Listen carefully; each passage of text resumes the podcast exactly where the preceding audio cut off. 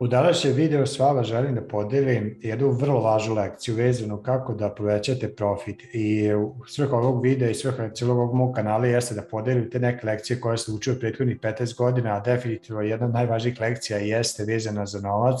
to jeste a, i vidim da je veliki problem koji prave preduzetnici jeste da kada hoće da povećaju profit a, i novac sa računu, oni se fokusiraju da, dobije, da dobijaju što više novih klijenata i novih kupaca. I ono zašto je to problem? Problem je u tome zato što šta mislite šta je lakše? Da li je lakše a, prodati e, nešto novom kupcu ili je prodati nešto starom postojećem kupcu sa kojim već imate izgrađeno povrediji odnos?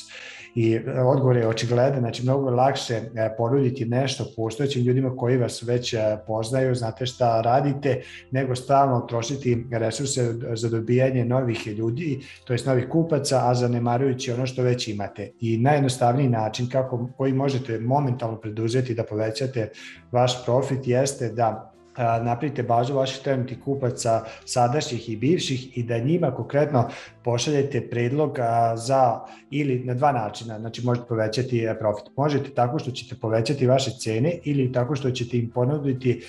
dodatnu vrednost ili napraviti neku dodatnu, dodatni paket ili dodatnu ponudu, popularno se to zove upsell, znači da dogradite ono što već sada radite. Sad o tome neću danas pričati, nego hoću da govorim o cenama.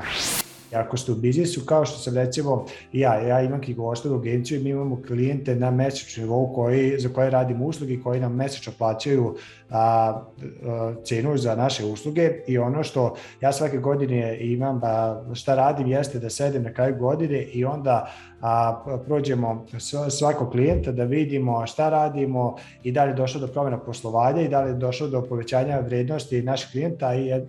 vrednosti naših usluga i onda ako uočimo da, da recimo porasto kapacitet a, od strane klijenta za našim uslugama, onda im dam predlog za povećanje cene. I u zadnjih par godina koliko to radim, a, svake godine otprilike u odnosu na moj bruto prihod, otprilike ovo donosi još 10% povećanje a, e, prihoda a, i samim tim i profita, bez ikakvog uloženog dodatnog napora u marketing, pronalaženje novih kupaca i većina klijenata kojima a, pošaljemo a, predlog a, za povećanje cene, ako su zadovoljni našim usluga, ako je odnos dobar, jednostavno a, ne bune se prihvate našu, o, o, naš predlog i to radi većina, oni ljudi koji osjećaju da je možda a, pre, E, prerano za to ili previsoka cena, onda sive imamo otvoren razgovor i nije nikakav problem da ostanemo na istoj ceni, samo je važno da imamo dobar odnos, kao što sam rekao. A ono što je još bitno, recimo iz moje perspektive, kada govorimo o ceni, jednostavno onda zaista dobijete pravi feedback da vidite da li, da li e, ljudi zadovoljni vašim uslugama i da će vam pravi feedback šta funkcioniše, šta ne funkcioniše još važnije u vašem poslovanju. I E, dešava se definitivno kada pošaljem e, svake godine prilike kada to radimo, pošaljemo i neki klijenti momentalno čim to pošaljemo a, kažu da, da završavamo saradnju, što je generalno isto dobra stvar jer sa, to, sa takvim klijentom generalno nemamo dobro, dobro odnos i onda verovatno bi završili saradnju i narednih par meseci bolje to da uradimo pre nego kasnije. Tako da oni klijenti sa kojim, koji razumeju da je odnos ključan i da je dobro odnos važna komunikacija, a s njima možemo otvoreno razgovarati o bilo kojoj temi, čak i u povećanju ili smanjenju cena, a oni klijenti koji ne razumeju to da je komunikacija kritično važna i da šta god da im na umu da nam daje što više feedback kako mi bili bolji jednostavno i donese tako neke nagle odluke, jednostavno mi nismo jedni za druge. I šta konkretno recimo se desilo prethodne nedelje, verovatno znate da ja imam a, program za preduzetnike kojima pomaže malo intimnije i direktnije dajem podršku da razvijaju svoj biznis i jedna od stvari koja se desila prošle nedelje na uživom a, sastanku jeste a, jedna osoba koja je isto knjigovostavila agencijom i a, e, imali smo strategiju i taktiku kako da ona to uradi sa svojim klijentima i sama je rekla da nije povećavala cene i ne pamti u preistoriji se to desilo kada je poslednji put povećavala cene i imala je bojaznost kako će reagovati njeni klijenti i ona je dobila strategiju, dobila je mail koji da pošalje, e, odradila je to, i e, posle nedelju dana kad je podelila rezultate, e, poslala je e, čisto radi testiranja 10 novih klijenata, 10 postojećih klijenata taj mail za povećanje e, cene i svi do jednog su prihvatili povećanje cene, neki su do, prihvatili čak duplo povećanje cene zato što od momenta kada je počela da sarađuje s njima, oni su daleko porasli, ali ona jednostavno nije imala vremena zbog zatrpenosti u operativi da stani i razmisli i da radi tu važnu stvar, znači da vidi šta radi za klijente, da sedne godišnje, da da vidi da li su cene i dalje dobre ili, ili ih treba korigovati. I na ovaj način, kažemo, ona je tako dodala par dodatnih hiljada evra godišnje, e, možda i mesečno e, svom prihodu i svom profitu samo na osnovu ove jednostavne taktike. I kažem, šta sam njoj predložio i ono što ću predložiti vama, kažem, suština je jednostavna. Znači, prva stvar jeste da sednete i da jednostavno pitate, budete iskreni i jednostavno date predlog. Ja obično predlažem da taj prvi kontakt, ako nije neko veliko povećanje cijene, jednostavno pošaljite mail, mi uvijek ostavite otvorena vrata da ako imam potrebu da imate uživo, uživo sastanak, ali vidjet ćete da će većina klijenata a, a, prihvatiti vaš predlog i isprave i sa onim kojima ne prihvati, jednostavno ako su pravi klijenti, ako imate otvorenu komunikaciju, dobru komunikaciju s njima, s njima ćete otvoreno razgovarati, a sa onim koji nisu pravi klijenti za vas, on, sa njima ćete svakako završiti saradnju i treba da završite a, saradnju, jer nisu bili voljni da podele feedback sa vama mnogo ranije ako, nešto, ako s nečim nisu bili zadovoljni. Ili možda nedostatak s vaše strane što niste na vreme tražili feedback kako biste poboljšali vaše usluge. I samo da završim sa, sa